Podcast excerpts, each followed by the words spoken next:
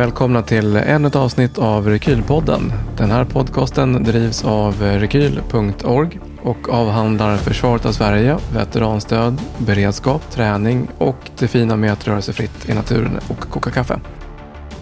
I det här avsnittet så har vi med oss två gentlemän som jobbar på MSBs projekt med att utbilda i akutsjukvård i Ukraina. Det är Fredrik Juklo som är projektledare för internationella insatser och Johan Bogg, läkare och för detta stridspilot som också lett verksamheten på plats i Ukraina. Varmt välkomna! Tack så mycket. Tack så mycket. Jag tänker, eh, vi kommer ju rama in det här avsnittet med att eh, prata om insatsen i Ukraina. Eh, vad den var till för. Vi börjar med dig Johan. Jag tror egentligen Fredrik är bättre på att prata om eh, den eh, biten. Mm. Mm, absolut. Eh, jag kan dra lite bakgrund mm. till vad vi, vad vi, varför vi gör det vi gör i Ukraina och, och hur det blev så. För det är lite annorlunda utifrån, eh, utifrån våran roll då. Jag jobbar ju i normalfallet då på MSB med en, på en enhet som vi kallar som heter enheten för fredsfrämjande insatser. Våran normala verksamhet är stöd till FN och EU-organ som jobbar i olika konflikt och postkonfliktkontexter eh, runt om i världen. Eh, och eh, har, gjort, har gjort det ganska länge. Eh, I samband då med krigs, eh, det fullskaliga krigsutbrottet i Ukraina så förändrades ju situationen på många håll naturligtvis, men också, också för oss. Och eh, det kom mycket förfrågningar om olika typer av stöd till MSB. Det är så processen normalt ser ut, att vi får en förfrågan om stöd och matchar det om vi kan och ska göra det och har medel för att göra det och så vidare. Och det, det kom en förfrågan från, från Ukraina kanaliserad genom ukrainska myndigheter och Ukrainas ambassad här i Sverige om eh, utbildningar i, eh, i krigssjukvård egentligen då, akutsjukvård mm. på instruktörsnivå. Just det. Och, eh, och frågan var riktad, riktad då till en, en frivilligorganisation som, som verkar i Ukraina som från början är någonstans i gränslandet mellan fjällräddning, STF, Friluftsfrämjandet liknande, där de hade en, en viss bakgrund i sjukvård utifrån sitt arbete på frivillig basis inom den här. Men i och med krigsutbrottet då hade ställt om och eh, inriktat sig på att vi ska hålla på med sjukvård och, eh, och stötta vårt land eh, utifrån vad vi kan och vad vi, hur vi bäst hjälper till helt enkelt. Just det. Och då hade ambassaden den här gruppen i bakfickan kan man säga när de kom till er och sa att det här... Ja men precis, vara... de kanaliserade egentligen den här förfrågan. De hade mm. vänt sig till ukrainska myndigheter som i sin tur, och de skickat ut den här till alla möjliga håll. Mm.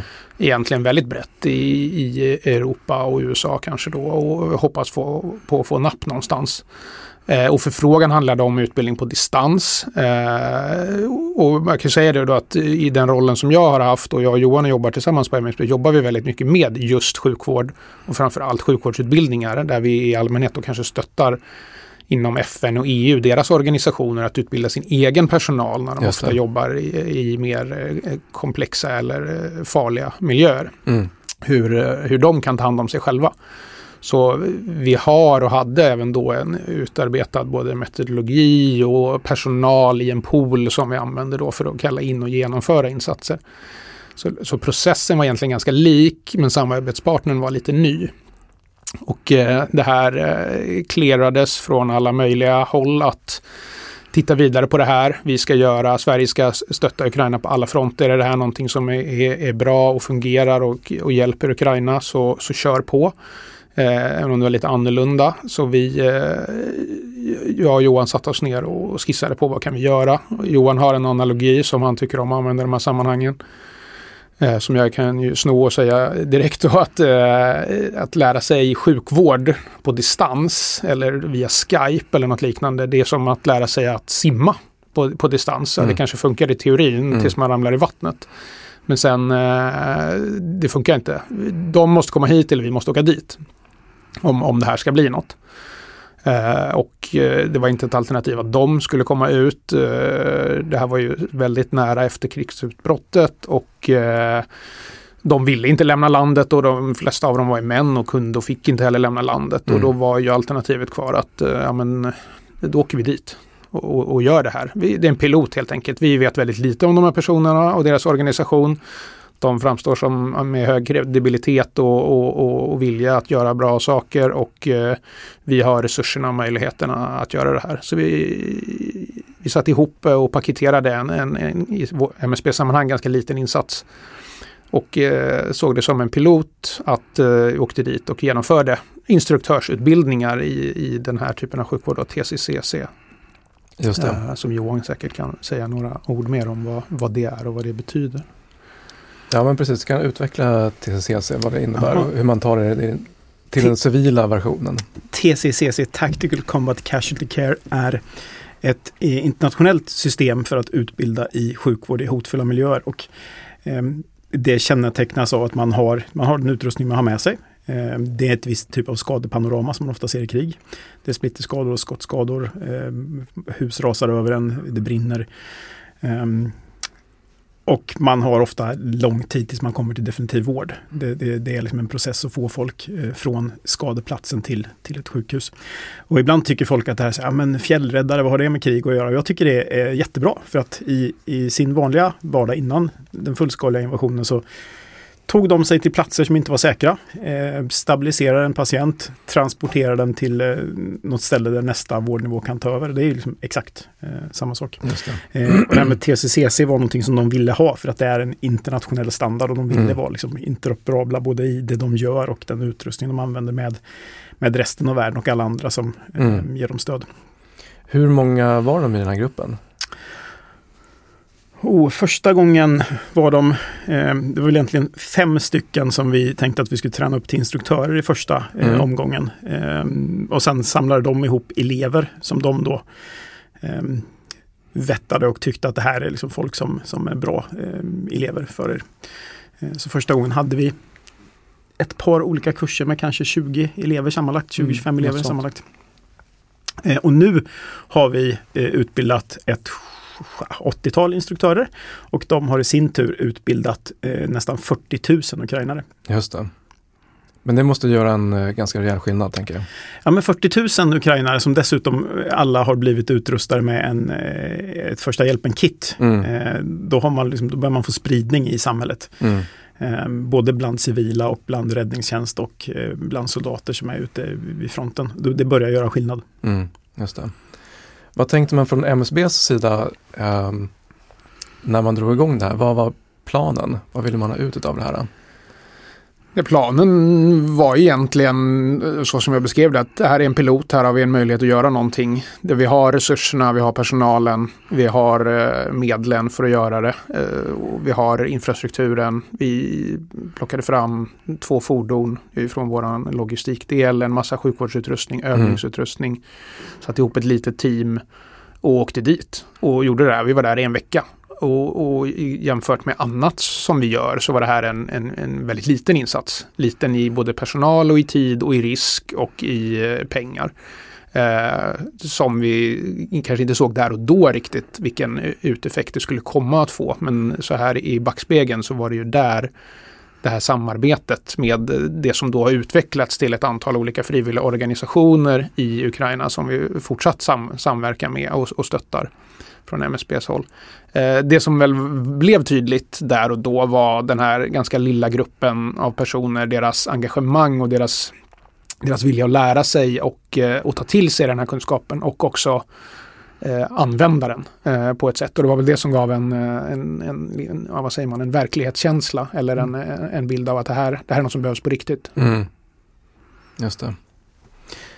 För våran, eh, våran samarbetsorganisation, de inte bara utbildar utan de, de roterar ju eh, också eh, och kör medevacker vid fronten. Mm. Så de växlar mellan att utbilda eh, folk och att själva eh, vara de som eh, hjälper till och, och räddar folk. Just det. Ja, det är en bra kombination, tänker jag. Verkligen. hur länge har den på, pågår den fortfarande, den insatsen? Ja, men det har ju blivit som ett program eller en serie av insatser. Och, och men precis som jag sa så det här samarbetet, det, det var tydligt att det här är, är, personer som, som gör bra saker och vill göra så, bra saker och jag tror att det vi gav dem eller det de fick genom den här första insatsen satte någonting i rullning där i Ukraina som, som sen har rullat på och, och växt eh, organiskt. Mm. de fick en, en, en eh, dels utbildningen och kunskapen naturligtvis och eh, den här eh, certifieringen som instruktörer. Men också en kredibilitet där de kunde visa att vi har haft svenska professionella instruktörer här och utbildat oss. Så deras organisation växte ganska snabbt. Det var många som ville ansluta sig. De professionaliserade sin egen organisation eh, ganska snabbt. Eh, det slumpade sig också så att vi hade möjligheten att bjuda hit en handfull av dem till Sverige i en ganska avancerad sjukvårdsinstruktörsutbildning som vi ändå genomförde för våra egna instruktörer. Eh, och vi, vi lyckades få hit dem då i juni förra året, en grupp av dem. Och vad, de, vad det bidrog till utöver att de fick ännu mer kunskaper och ännu mer kredibilitet var också att ge den här utbildningen för våra, vad kan det ha varit, ett 20-tal svenska sjukvårdsinstruktörer då som vi har i våran pool och som vi använder. Det gav dem en verklighetskänsla eh, av när de här ukrainarna räckte upp handen och frågade, ja, men när vi har en eh, en, en patient med den här eller den här skadan som vi hade förra veckan och som vi nog kommer att ha nästa vecka när vi är vid fronten. Och där, våra instruktörer är väldigt erfarna personer som kör ambulans eller jobbar på intensivvård eller akuten eller liknande. Men de inte, har inte exponerats för den typen mm. av, eh, av skador och den typen av eh, situationer som de här personerna eh, lever i. Så det gav en, en verklighetskänsla och jag upplever att också ett högt engagemang från vår personal att vara med i våra insatser. Det är många som som vill vara med i det här. Man kan tänka att det kanske ska vara svårt att hitta folk som vill åka till Ukraina. Det var det första de här ukrainarna sa när vi kom dit. Vi hade inte träffat dem innan. Vi hade pratat i telefon och planerat det här. Och så rullade vi över gränsen i, i våra två bilar. Vi var vi fyra eller fem personer. Ja, och, det, och, träffade dem och, och, så skulle de köra med oss och sa de eh, Why do you come here? Varför, varför, varför kommer ni hit? Vad är, är, hur kommer det sig att ni har valt att, att komma till Ukraina där kriget precis har brutit ut? Och, mm Eh, man inte visste så mycket eh, i det läget, eh, om, även om Lviv och västra Ukraina ansågs väl relativt säkert i sammanhanget. Och lite fick förklara det då att ja men alla vi jobbar med det här och det är lite det är lite det vi gör och det finns ett högt engagemang i, och i Sverige det, på den tiden och även kanske fortfarande i hög grad ett, ett tydligt engagemang att, att göra någonting för Ukraina, att stötta Ukraina. Just det. Men de, de, är fortfarande lite sådär förvånade över att vi, vi väljer att lämna våra hem och våra vanliga jobb och våra mm. familjer mm. och, och, göra det. För det var, det var många andra som var i Ukraina innan eh, det fullskaliga krigsutbrottet och sysslade med utbildning och de försvann ju direkt. Just det. Eh, de åkte västerut och försvann över gränsen till Polen. Liksom. Mm. Eh, var det större internationella organisationer? Ja, Just det. Eh, och, och andra, alltså försvarsmakter och sånt, på, pågick mycket mm. utbildningen. Mycket utbildningar innan. Eh, men, men det var inte så, när vi åkte in i Ukraina första gången så var det en lång kö med bilar som ville åka ut ur Ukraina men det var inte mm. jättemånga bilar som ville åka in i Ukraina. Nej men nu, och det, jag kan tänka mig nu är det kanske det omvända, att nu är det ganska många som åker dit och fyller på. Ja, nu känns det som det är många ukrainare som vill tillbaka, mm. eh, som vill tillbaka och, och, hjälpa till. Det måste varit väldigt värdefullt för er också att få den här nya insikten om vad som kommer emot från en kassovac, alltså en eh, casualty evacuation. Eh, det skadepanoramat är någonting som man kanske har tagit med sig hem också. Ja, vi försöker också eh, att ta med oss mycket erfarenheter hem. Eh, jag har en lång bakgrund i Försvarsmakten och jobbat mycket med sjukvård i totalförsvarsperspektiv och det här är ju annorlunda än, än andra krig jag har varit i. Eh, det här är annorlunda än Afghanistan, Somalia, andra ställen jag har varit på. För motståndaren är helt annorlunda nu. Mm. Det här är ju liksom ett, ett riktigt krig. Eh, det är inte insurgenter och vägbomber utan det är liksom en, en, ett storskaligt krig med en, en modernt utrustad motståndare som ger helt andra typer av, av volymer av skador och också eh, skadepanoramat är, är mm. annorlunda. Hur har det påverkat det ukrainska sjukvårdsflödet, alltså själva kedjan ifrån, från fronten till ett sjukhus? Jag tror att de har ehm, det finns väl någon darwinistisk, eh, det, det, har blivit bättre och bättre. De mm. har ju haft en, ett lågintensivt krig sedan 2014-2015 mm. eh, och lärt sig ganska mycket. Eh, och det är ganska mycket saker som de, jag tycker det verkar fungera bra. Eh, det verkar fungera bra nu, de har ett system som, som de är nöjda med. Och vad är det som funkar bra? Det eh, som jag tycker skiljer sig mycket från vad, vad vi har tänkt i, i Sverige, att de har något som kallas stabilization centers. som ligger eh, lite bakom fronten där det finns eh, olika, en del har flera läkare och en del har någon enstaka läkare. Men tanken är att där stabiliserar man patienterna så att de överlever en längre transport till mm. ett, ett fältsjukhus. Mm. Um, hos oss i Sverige skulle det vara en brigadsamlingsplats eller ett, ett bataljonssamlingsplats för skadade kanske. Eh, ungefär. Men de har gjort det på, på ett ett ganska annorlunda sätt mot vad vi hade gjort. En annan sak som de gör helt annorlunda är att där, och det säger alla, jag brukar fråga dem så här om ni har, eh, om ni har ett tips till, till mitt land, liksom, vad skulle det vara? Då, då kommer de tillbaka till det här med liksom, tält och röda kors, låt bli det, liksom. det. Ni kan inte ha stora uppblåsbara tält med röda kors på för det skjuter ryssarna bort direkt. Mm. Ja men den eh, insikten kommer tyvärr ganska snabbt där. Mm. Hur gör de istället? Eh, de försöker att inte gruppera i tält mm. Eh, utan i byggnader, gärna i bottenplan på byggnader. Så det Just finns det. flera våningar ovanför eller mm. om det går i källar, källarplan. Nu ska jag tänka mig lite för när jag pratar så att jag inte blir för detaljerad för det finns, vem som helst kan lyssna på det här så jag ska försöka inte bli för, för detaljerad. Men, men i byggnader och gärna liksom långt ner i byggnader. Just det. Ja, men det är vettigt. Det finns ju också många frivilligorganisationer som jobbar. Den som ni har jobbat med är väl typiskt som en frivillig organisation. Men det finns ju många som också kör direkt från fronten, alltså kör rena kassevac-transporter. Ja, alltså vi har, den här gruppen som vi börjar samarbeta med, det har mynnat ut i en, eh, en, egentligen en grupp av frivilliga organisationer med lite mm. olika inriktning. Och, eh, om man ska ta det lite kronologiskt då, så fortsatte vi under hösten att genomföra insatser tillsammans med de här organisationerna när de då började formas och lite mer professionaliseras i sin, och de gör ju det här på heltid fast på frivillig basis. Många har lämnat sina sina jobb som dataprogrammerare mm. och kontorsekonomer och bankirer och allt vad de är eh, och, och, gör det här nu. Eh, och eh, vi har fortsatt samverka med dem och de, är, de beskriver det, de är ju en i en, ganska stor uppsjö av organisationer som gör det här. De har ju två saker de huvudsakligen gör då. Det är att utbilda folk både från den militära sidan och eh, frivilliga och civila och de jobbar med utbildning av poliser och brandmän och kraftverksarbetare. Alla, många grupper som mm. kanske är de som eh, lätt är utsatta. Eh, utbilda dem i grundläggande sjukvård som Johan beskrev och genom andra donatorer så förser de dem med första hjälpen-kit. Eh, de har också fått, de har bland annat en, en, svensk ambulans som är donerad till dem som möjliggjorde, tror jag, att de började med sina medvacker. Mm. Och uh, vad de gör då är att de de har olika typer av uppsamlingsplatser som jag förstått det, där de eh, får skadade från fronten, där olika frivilligorganisationer samlas. Det låter lite nästan absurt när de beskriver det på det sättet. Och så kommer det en, en skadad på ett eh, pickupflak från fronten och eh, lastas in då i ett fordon. Och de med sin ambulans och med den utbildning de har är i allmänhet de bäst utbildade och, och, och, och duktigaste på det här helt enkelt. Och därmed får också de svåra skadade och mm.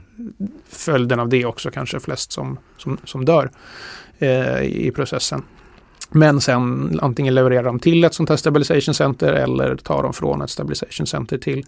Så som jag förstår det är en huvuddel av den här sjukvårdskedjan uppbyggd av och beroende av olika frivilliginsatser. Och de, deras organisation är ett exempel, Hospitaliers är en annan.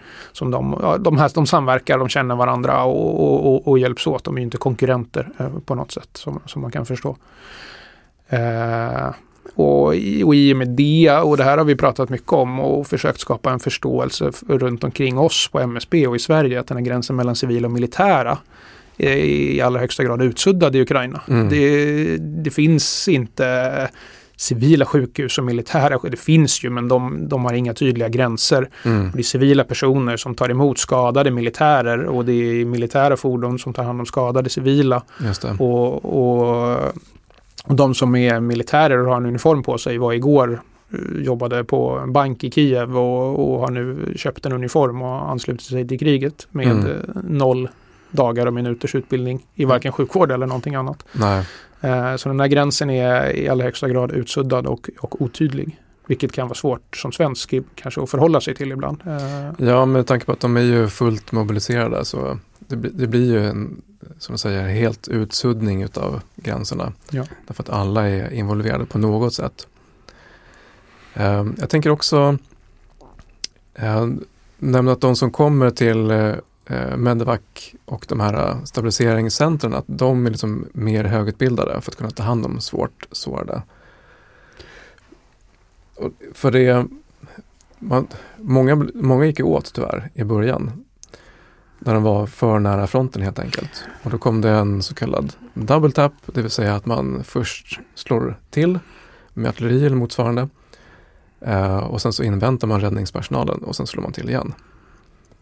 Ja, och det, så, så sker ju hela tiden. Eh, De bekämpar liksom eh, regelmässigt eh, blåljuspersonal av alla, av alla sorter. Ehm, jag tror att i Sverige så hänger vi ibland upp oss liksom på en titel. Det, det finns vissa förmågor som behöver finnas på vissa platser i sjukvårdskedjan.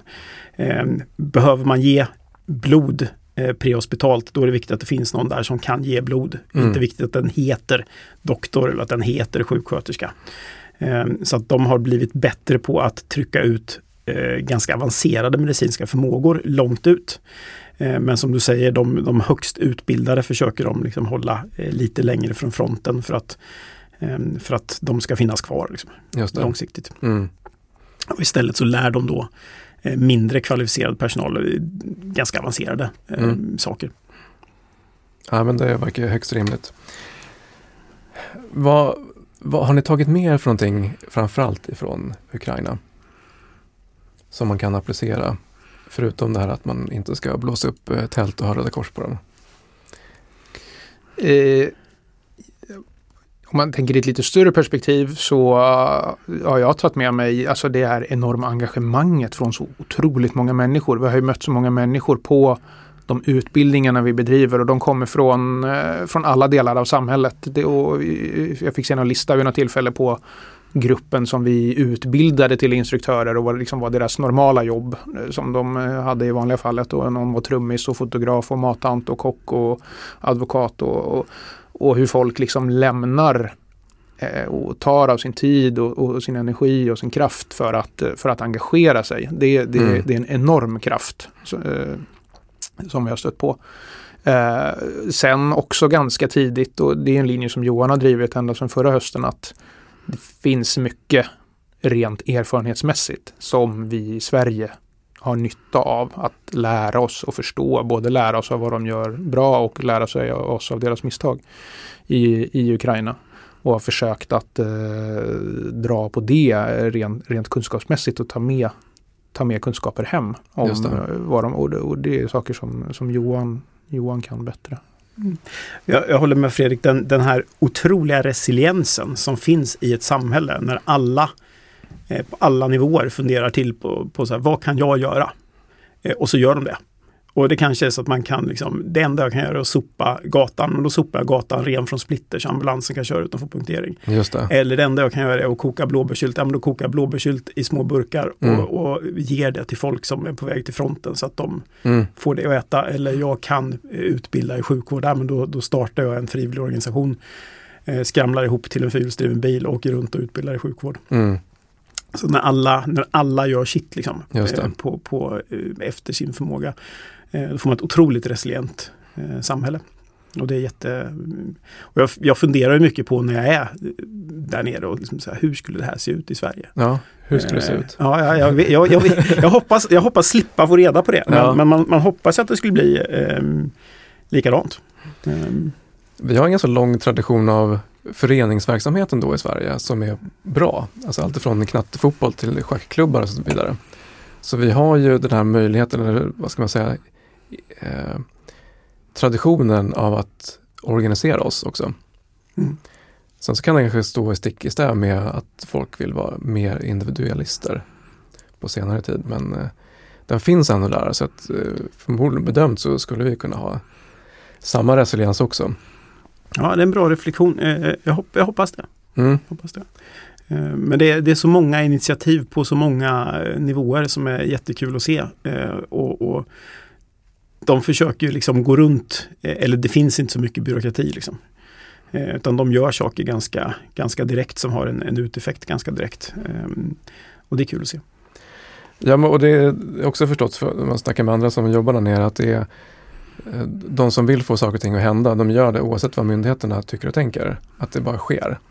Så att eh, man vänder sig kanske hellre till de man umgås med än via någon myndigheter för att det ska liksom hända grejer. Ja, lite så är det nog. Ja, man tänker så, vi har ju i Sverige så är det hyggligt organiserat, även om det kanske är glest i leden på vissa delar av den här sjukvårdskedjan. Men hur skulle det kunna funka med frivillig verksamhet? Skulle den liksom kunna passa in i vårt system också? Jag är ingen expert på området, men om vi liksom tittar på, vi, vi bjöd ju hit en grupp av de här ukrainska personerna som vi samverkar med och som har väldigt mycket erfarenhet då, redan i slutet av förra året. Mm. Och eh, utifrån ja, men MSBs roll i Sverige och samordna civilt försvar och sådana här saker. MSB har inte direkt alls något sjukvårdsansvar i Sverige. Och då tittade vi mycket på att ja, men vilka vilka vill vi bjuda in? Vilka vill vi ska höra deras erfarenheter? Både av eh, skadepanorama och vilka skador de ser men också sjukvårdskedjan och samhället i stort. Och det är mer kanske reflektioner på, på de planen från de här personerna. Och då hade vi ju ja, men dels eh, en massa folk från Försvarsmakten, Socialstyrelsen och, och, andra men också Röda Korset, olika typer av frivilligorganisationer eh, från, eh, från försvarssidan och, och andra. Och jag skulle tro att de spelar en enorm roll mm. eh, i, i en sån här kedja och ett sånt här arbete. Just det. Nej, men det är högst rimligt att tänka sig att det kommer bli samma eh, engagemang även i Sverige. Och det har vi ju sett också, det behöver inte vara krig, det kan räcka med skogsbränder och översvämningar och så vidare.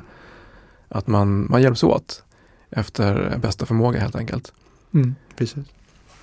De här erfarenheterna som de har tagit med er, är det här någonting som övas i Sverige? Alltså så här, få till de här kedjorna, få till de här eh, överlämningarna mellan olika delar av jag, säga, myndighetsfunktioner? Jag tycker att um, vi, min, min teori, nu, nu svarar jag liksom som, som i, min, i min roll som reservofficer och jag har tittat mycket på totalförsvarssjukvård i, mm. i min militära roll. Eh, så tycker jag att vi börjar bli bättre eh, på det och jag tror att man ska börja i liten skala. Mm. Man behöver inte vänta på den här jättestora eh, övningen där det ska övas liksom flera hundra personer. Utan det kan räcka med att man eh, när man har en övning i försvaret bara ringer till någon kompis som är polis och frågar hej vill ni vara med? Mm. Eh, och så ringer man eh, till någon som man känner som jobbar på sjukhuset eller åker till sjukhuset och säger hej kan vi få komma hit och lämna av en patient? Ni får gärna fortsätta öva med den skademarkören och våra instruktörer inne på ert akutrum om ni har liksom plats över. Jag tror att man ska börja i liten skala. Mm. Ehm, för jag tror att de som är eh, i sjukvården, i militären, i polisen, i räddningstjänsten. Vi vill liksom samma sak. Vi, mm. vi vill liksom göra bra saker eh, och vi vill ta hand om folk. Eh, men ibland pratar vi väldigt olika språk. Så att, att få, få den här kontakten och den här första övningen och man ser var friktionerna ligger och vilka radiofrekvenser vi kan prata på och vad vi kallar olika saker och liksom få dem eh, få de liksom hindren undanröjda tidigt på en låg nivå. Det tror jag är mycket viktigare än att vänta på den här gigantiska eh, totalförsvarssjukvårdsövningen som mm. kanske aldrig kommer. Just det, ja, men bra poäng. Va, vad är det som man stöter på för hinder? Jag tror att en, ett stort hinder är att man har olika uppfattning om vad som är, eh, vad som är säkert. Eh, det ser man ofta på övningar att ja, folk kanske står och väntar på att polisen ska säga att det är säkert. Ja, fast det, det finns drönare, det finns indirekt eld, det, det blir inte säkert. Liksom. Mm. Det säkraste vi kan, kan göra nu är att ta patienten och försvinna 500 meter härifrån. Det Just är det, det säkraste. Liksom. Mm. Att stå här och vänta är mindre säkert. Um, och, och, det är ju liksom naturligt för det är vi inte, vi är inte vana vid liksom det, det hotet. Att någon skulle få för sig att ge sig på räddningstjänst med, med flit. Liksom. Eh, men det ser vi i Ukraina hela tiden att det är det som, eh, det är det som händer. Ja men precis. Uh, om man kollar så här generellt då, har ni någon uppfattning om uh, hur kunskaperna ser ut att kunna ta hand om de skador som finns uh, i Ukraina, att kunna göra det i Sverige? du sa tidigare att det var helt nya skadebilder som dök upp. Ja. Även för ukrainarna så att säga. Ja, um, det är um, en annan typ av skadepanorama än vi har sett i andra konflikter. Eh, och sårpackningsmodeller till exempel, de sårpackningsmodellerna som finns på marknaden, de är liksom för mycket mindre skador än det vi ser. Mm. Eh, och vi övar inte oftast på att det är så många skador i samma, i samma eh, patient som, det. det, som man ser i Ukraina. Mm. Men det där är ju ganska enkelt att justera övningsmässigt. Om, om liksom enskild instruktör vet om eh, vissa saker så kan man liksom öva på ett mer realistiskt sätt och bättre förbereda sig. Ehm, jag tror också att det är viktigt i, i ett uthållighetsperspektiv att tänka på att man måste, även om det blir krig, så måste man fortsätta utbilda. Eh, Man måste fortsätta ha liksom en kandidatansvarig på, på sjukhusets klinik liksom, och utbilda nya kandidater och nya sköterskeelever. Mm. Eh, Det går inte att ha en chef sjukvårdsskolan på ett regemente som är krigsplacerad som Steff plutonchef. För då finns det ingen, då finns det ingen sjukvårdsskola. Liksom. Det Nej, kommer inte ut några nya det. sjukvårdare. Det, det, måste komma, liksom, det måste komma nya drönare, det måste komma nya sjukvårdare, det måste komma nya fyrhjulsdrivna bilar. Mm. Eh, vi, vi klarar oss inte med det vi har när vi börjar. Liksom. Utan vi måste liksom, eh, se, se långsiktigt på det och se att vi fortsätter utbilda Mm. eh, nya.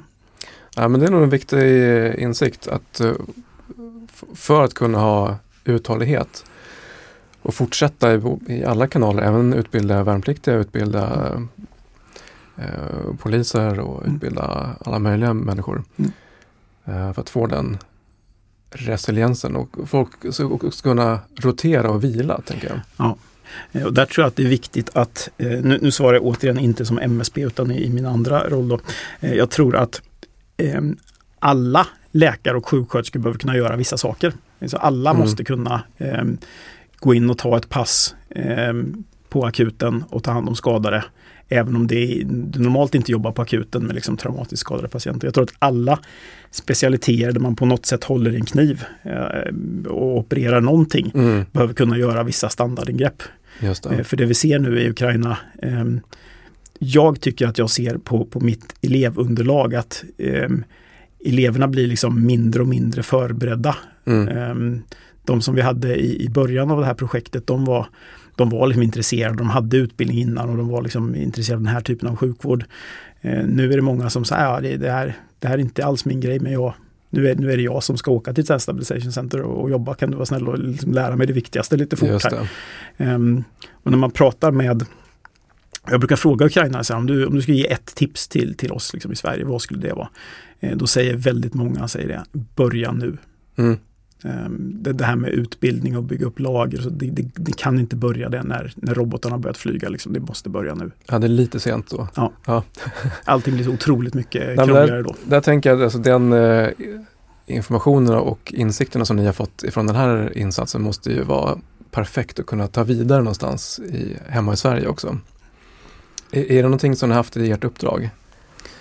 Eh, nej, inte direkt i uppdraget. Eh, men med det sagt så är vi ju en del av, av MSB och eh, ja, Myndigheten för samhällsskydd och beredskap som ju naturligtvis ha, har ett, ett uppdrag i att stärka samhället. Mm.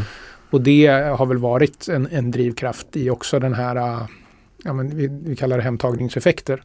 Som ju inte är något vi normalt egentligen håller på så mycket med i insatsverksamheten utan den går ju ut på att stödja andra aktörer och andra länder i, på, på olika sätt.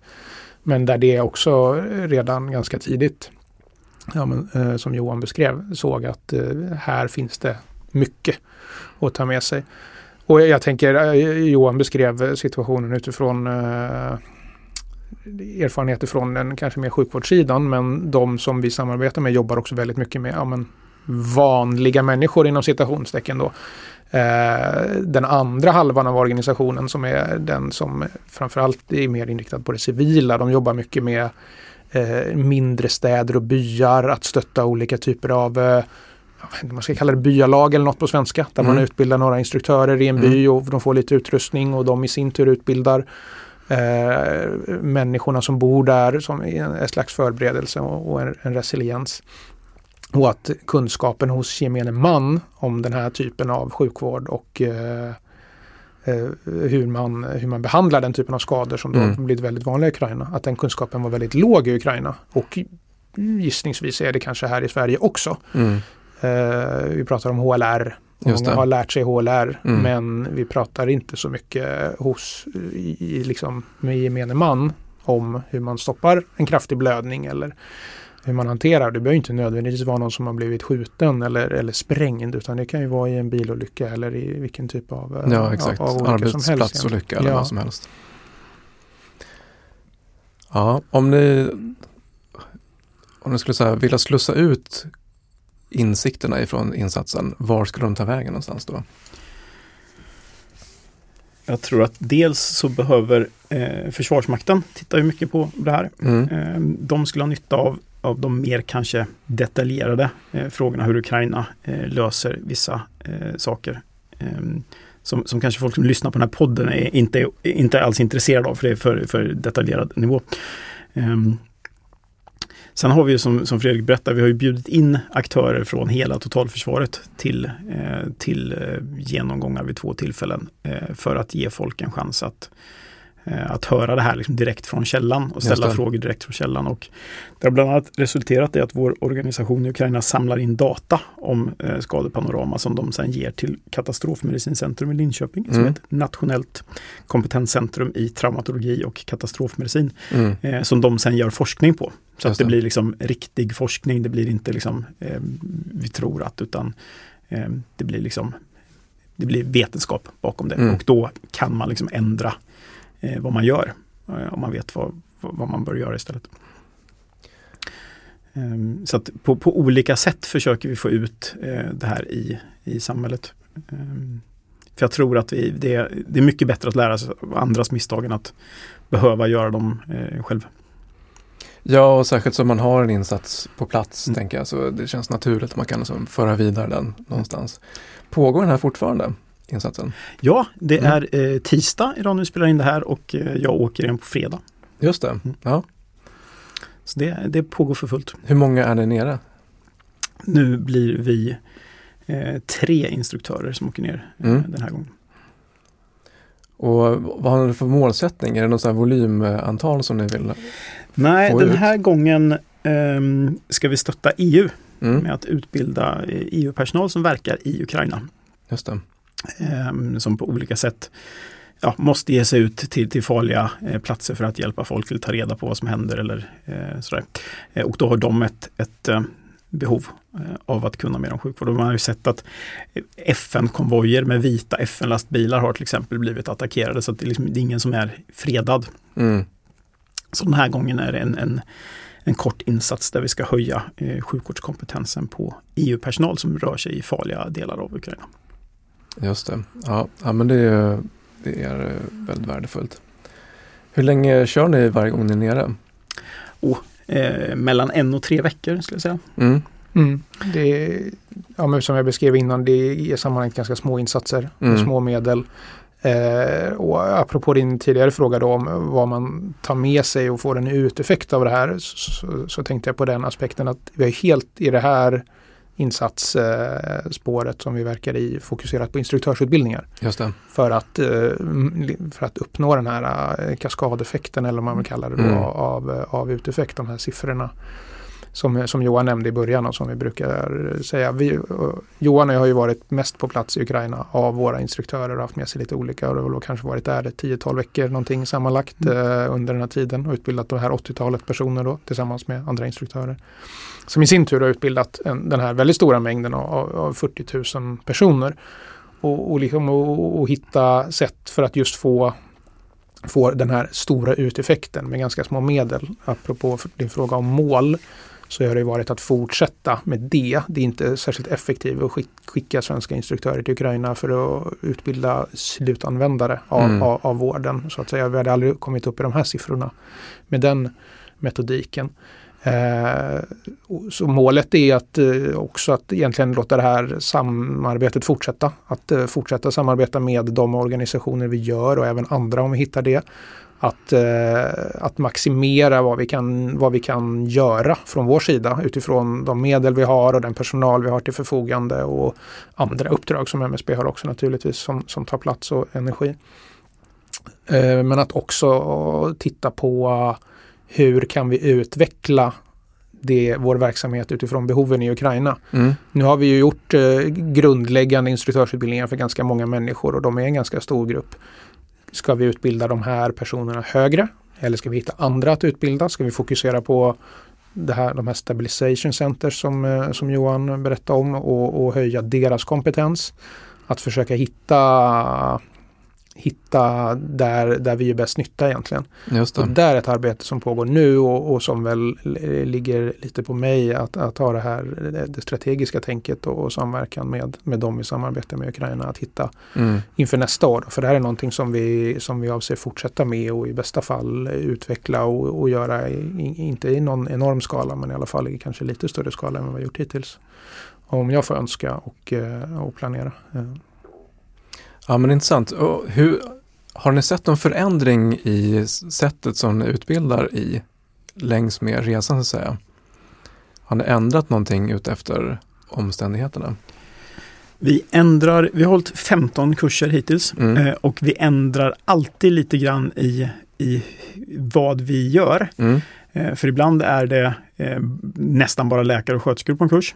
Eh, och ibland är det eh, folk som gärna vill jobba med sjukvård och anmäler sig frivilliga för att jobba som eh, det som vi i Sverige skulle kalla stridssjukvårdare. Och då, då har de ett annat behov. Så att varje kurs blir lite unik, framförallt vad gäller vilka scenarion vi, Ja, vi, vi använder. Vi har hela tiden jobbat mycket med scenarioträning. För engelska är inte vårt första språk, engelska är inte deras första språk. Ibland jobbar vi med tolk, ibland kör vi på engelska. Men, men lite information kommer alltid att gå eh, förlorad Mm. eh, eftersom vi inte har ett gemensamt språk. Eh, så därför jobbar vi mycket med liksom, att göra saker och mycket eh, scenarioträning. Och det har varit framgångsrikt. En, jag har ju försökt göra liknande saker både i, i Afghanistan och Somalia och på många andra ställen runt om i världen. Eh, men det är en jättestor skillnad att göra det här i Ukraina för här tar de till sig och, och är motiverade på ett sätt som jag inte har sett någon annanstans. Just det. Eh, och jag har gjort det här liksom runt om i världen i, i rätt många år nu. Mm. Ehm, så att om jag lär dem eh, precis hur man ska sätta en tourniquet och varför man gör på ett visst sätt och inte på ett annat sätt och vad som kan hända och sådär. Eh, då går de hem och tränar det själv. Mm. Eh, jag behöver inte liksom, göra det hundratals gånger med dem utan jag visar dem ordentligt och förklarar varför och då tar de till sig det och så kan de träna själv. Men det, de har svårt att träna själva när vi är inte är där, det är beslutsfattande. Eh, för, för medicin är ju inte svart och vitt. Ibland kan man liksom göra olika saker och ändå komma till, till rätt resultat. Ibland kan man göra allting helt rätt men det går ändå Mm. tokigt. Liksom. Ehm, Så därför försöker vi i vår utbildning utsätta dem för väldigt mycket situationer där de måste liksom välja. Eh, De måste välja att göra, de måste liksom göra val, de måste fatta beslut. Eh, För det är svårt för dem att träna Mm. när de sitter själva sen. Eh, Men, men det rent tekniska, liksom hantverksmässiga, eh, lär man dem det och de får ställa frågor och, och så då, då kommer de att träna sig själva i det. Just det. Eh, Men just beslutsdelarna eh, lägger vi mycket tid på att. Vad är det för scenario som ni målar upp för dem? Vi har, det, vi, vi har lite olika typscenarion beroende på vad det är för, för folk. Så är det folk som är ute och åker nära fronten, då är det liksom ett, ett eldöverfall eller de går på en mina och vad händer sen? Eh, Det som i, i TCCC brukar kallas för care under fire eller att man är i en het zon som det Just det. kallas civilt. Då. Och man måste liksom ta sig bort från det farliga stället först. Mm. Eh, Ett annat typscenario är att de sätter upp en samlingsplats för skadade någonstans i, i skydd, både, eh, både liksom skyl från drönare och skydd liksom rent fortifikatoriskt. Eh, där de ska sätta upp en, en station där de gör sig beredda att ta emot patienter. Det är lite, vi har lite, beroende på, på målgruppen så har vi lite olika typscenarion så att när de sen när det här händer dem på riktigt, då ska det liksom inte vara första gången utan de, Nej, de ska få ha, ha gjort de här felen ett par gånger Ja. under utbildning. Så att förhoppningsvis kan de fatta mer rätt beslut eh, när det är på riktigt. Och där har vi stor hjälp av våra ukrainska vänner att liksom, ehm, hur ser det ut just nu? Liksom, är, är det något speciellt som är ett stort problem just nu som vi Mm. måste lägga mer fokus på? Eh, och, och drönare är ju ett stort, ehm, stort problem just nu. Ja, för du är alltid i princip övervakad. Ja, och det som, det som förr var så här, man drar en skadade bakom hörnet. Mm. Eh, oh, fast drönaren ser ju bakom hörnet också. Mm. Och kan släppa en granat bakom hörnet också. Ehm, så det eh, tittar vi på mycket nu i, i, i våra scenarion. Eh, man, får, man får räkna med att liksom, man får ha någon som håller koll på om det kommer en drönare.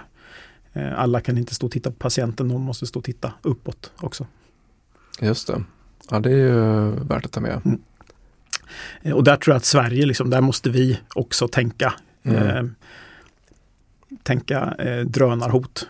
Mm. Um, vi kommer kunna utreda rätt länge vad vi ska köpa för drönare och upphandla en drönare och till sist kommer det kanske en drönare som hamnar på centrallagret i Arboga och så någon gång får, får vi ut den. Men, uh, men, men att öva oss på att skydda oss mot drönare, det måste vi börja med direkt. Ja. Nej, det är ingenting vi väntar på för drönarhotet det är ju här för att stanna. Mm. För överskådlig framtid. Såklart det kommer komma motmedel men det kommer också komma mer resilienta drönarlösningar. Ja. Eh, och i ett, i ett terrorperspektiv så har jag också en, en, en farhåga och det är att drönare eh, är ju ett hot liksom, eh, civilt också i fredstid. Just det. Ja, vi har ju sett överflygningar till exempel över olika eh, energianläggningar tidigare. Mm. Och det är ju inte jättesvårt att bestycka en drönare idag. Nej. Ehm, ja, den är intressant. Vi har ju ganska många lyssnare som är från hemvärnet uh, och jag ser direkt att det här är mycket som kan appliceras. Både det som att börja jobba uh, för att skydda sig mot drönarhotet men också för att börja tänka till liksom, kedjorna. Mm. och det gäller förstås eh, övriga försvarsmakten också såklart. Men är det någonting mer som du tänker så här, det här är ju, behöver inte vänta på att någon kommer med något direktiv utan det här är bara att köra. Ja, en, en sak som man skulle kunna göra direkt. Det tror jag, jag, jag har ju länge tänkt att det med, med att man lär alla HLR. Mm. Eh, det är liksom scoutklubbar och, och, det är arbetsplatser och det är alla möjliga som lär sig HLR. Det sker ungefär 6000 hjärtstopp i Sverige varje år och ungefär 10% av dem överlever.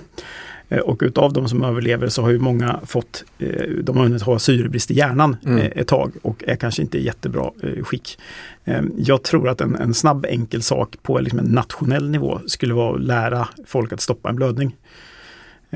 För jag tror att sannolikheten att du i din livstid springer på någon som har ett hjärtstopp som du får igång, den är mindre än risken att du springer på någon som har kört in i ett vajerräcke dragit handen genom en glasruta, eh, blivit överkörd av en motorgräsklippare. Eh, allt det tror jag är sannolikare och får man stopp på en blödning då kan en människan ofta liksom gå tillbaks till ett, ett nästan helt normalt liv mm. Eh, efteråt. Det blir liksom en, en, fullt fungerande människa som har en familj som liksom, där allt är som ganska som vanligt. Mm. Eh, till skillnad från ett hjärtstopp. Så jag tror vi skulle vi skulle kunna lägga mer fokus på att lära folk att eh, stoppa blödningar. Eh, och det finns också, eh, precis som det finns defibrillatorer som sitter uppsatta i köpcentrum och i, i, i idrottsanläggningar, så, så finns det eh, motsvarande låda fast den innehåller tourniqueter och tryckförband och, och hemostatiska förband för att stoppa blödningar. Just det. Är det ute i Sverige idag? Det håller på. Mm. Katastrofmedicincentrum i Linköping gör ett jättebra jobb i mm. att forska på det här. Var ska man sätta upp dem och, och um, vad ska de innehålla och sådär. Så det, det, börjar, det finns lite grann. Eh, jag tror att det kommer att komma mer av det för jag tror att det behövs. Eh, och jag tror det är ett, det är ett eh, enkelt och billigt sätt att rädda flera liv. Ja men verkligen, för alla kanske inte springer omkring med en tourniquet på sig till vardags eller någon sån här hemostat. Alla jag känner gör det. jag vet att i Norge så finns det sådana, bredvid de här defibrillatorerna så finns det också på en del ställen boxar. Ja. Just med eh, tourniqueter som är kanske enklare att förstå än en eh, till exempel katttourniquet, alltså så här, som är mer elastiska. Så det kan absolut vara någonting att börja titta på också. Ja. Och det här är ju ett jobb som eh, bedömt ska göras från kommuner och regioner i, i första hand. Så de börjar titta på det här. Men det finns säkert andra som det, det, jag ser att ni himlar med ögonen här men... ja, det, det, det, är alltid frågan liksom vem, vem, vem det, finns fullt med bra idéer men ja. vem ska genomföra det och vem ska betala för det? Ja. Eh, och det, det kan jag inte eh, svara på. Nej, jag förstår. Men, eh, den, är, någon borde ju, eh, borde ju brinna för det. Jag tänker, eh, här kan ju också på samma sätt som man har defibrillatorer på arbetsplatser kan man också på arbetsplatser tänka sig ha sådana här boxar och utbilda folk i det här. Absolut, precis på samma sätt som med HLR. Ja. Att man har det liksom för, för oss som jobbar på arbetsplatsen, att vi ska kunna rädda livet på varandra. Mm. Det är en jättebra idé. Och det är ju inte heller så här att gå alldeles för långt och tänka att man kan varva HLR med att stoppa blödning till exempel. Absolut. Vartannat år. Absolut. Om man nu har det. Alright då. Är det någonting mer som du tycker så här, det här vore intressant att dela med oss av för det här har vi det här har vi, det har vi lärt oss och tänker att det här borde också slussas ut i samhället. Jag tänker lite på det här alltså, som jag var inne på innan att, ja, men, och som du också pratade om här, hur får man ut den här kunskapen? Mm. Jag tror att folk, om man inte vet att man behöver en kunskap, då eftersöker man den inte heller. Såklart. Och ja, men det här med, jag är ju inte medicinsk kunnig själv då, men att med HLR är ju vedertaget att man helst ska kunna och Mm. man är i simhallen och så vidare. Att, eh, att på något sätt skapa en, en medvetenhet och, och hos, hos den breda allmänheten då tänker jag att ja, men det, här, det här är vettiga saker att lära sig. Det är inte, det är inte onödigt, det är inte mer avancerat än HLR, snarare kanske mindre avancerat egentligen, Mm. rent hantverksmässigt. Mm. Eh, det är mindre saker att hålla reda på och komma ihåg och, och, och så vidare. Att, att på något sätt skapa en, eh, en, en medvetenhet och en kunskap om att det här är kunskap som man bör ha Mm. och ganska enkelt eh, kan skaffa. Om det finns någonstans att skaffa den då naturligtvis. Mm. Eh, det, det tror jag är någonting som är väldigt viktigt. Mm. MSB har släppt en, en film som finns på Youtube som är ganska bra introduktion till det här som heter Stoppa blödningen. Just det, vi kan länka till den i show notes här också. Eh, som visar liksom grunderna. Mm. Eh, sen är det som Fredrik sa, det, att jag tror att det är lite som att simma. Det, det är bra att man får en teoretisk genomgång men att, att träna det med sina händer, liksom, om man ska bli bra på att göra det med sina händer, det, det är nog nyckeln. Att på något sätt söka utbildning. Ja men absolut, det går inte att kompensera för det. Nej, men den, den filmen är en bra, Mm. eh, en bra början. Verkligen, men jag kollade på den här om dagen. Den är, ja, men det- den är så enkel som det är. Mm. Man råkar på någonting och så löser man det. Ja. Som du säger, det behövs inte någon, man behöver inte vara läkare för att kunna lära ut eller kunna det här. Nej, nej, nej. Eh, och, och det handlar också om att lära folk att våga agera. Ja, Eh, att, ehm, att inte stå och titta och vara rädd för att göra fel. Liksom. mm. Eh, utan eh, ser du någonting som blöder så sätt tryck på det då. Eh, Ja. på, på något sätt. Börja där. En bra början. ja men absolut. Enkla lösningar. Ja. Grymt då. Tack ska ni ha. Det var fantastiskt kul att ha er med. Det var väldigt värdefullt. Jag tänker så här, vi, vi, vi har någon agenda att försöka få, få ut den här kommunikationen och informationen. Så att kanske andra kan ta lite lead på det och ta action på det också. Mm. Eh, och vill man, eh, är det så att man jobbar på en myndighet eller på något annat sätt känner att man skulle behöva mer detaljerade eh, för nu har vi med flit varit lite vaga i vissa frågor för att kanske inte avslöja precis hur saker går till i Ukraina. Så får man gärna höra av sig. Så Mm. kan, kan vi ta en mer detaljerad diskussion om någon känner att de behöver det. Då skickar vi länk här också i show notes så kan folk gå in och komma vidare och få del av lite mer granulär information. Tack! Tack. Tack! Om du själv vill lära dig hantera livshotande blödning så skriv upp dig på firstresponder.se. Eh, Länken hittar du i show notes såklart. Eh, Vi släpper nya datum inom kort. Vi har också fått flera företag som hört av sig. Och där är det enklast att egentligen bara mejla oss på hq.rekyl.org. Passa på att eh, prenumerera på podden och tveka inte att ge den betyg. Det här gör det enklare för andra att hitta hit. Eh, länkarna från avsnittet hittar du i show notes och oss på Rekyl hittar du på rekyl.org. Och till sist, se till att öka din handlingsfrihet genom att ge dig ut och träna. Tja!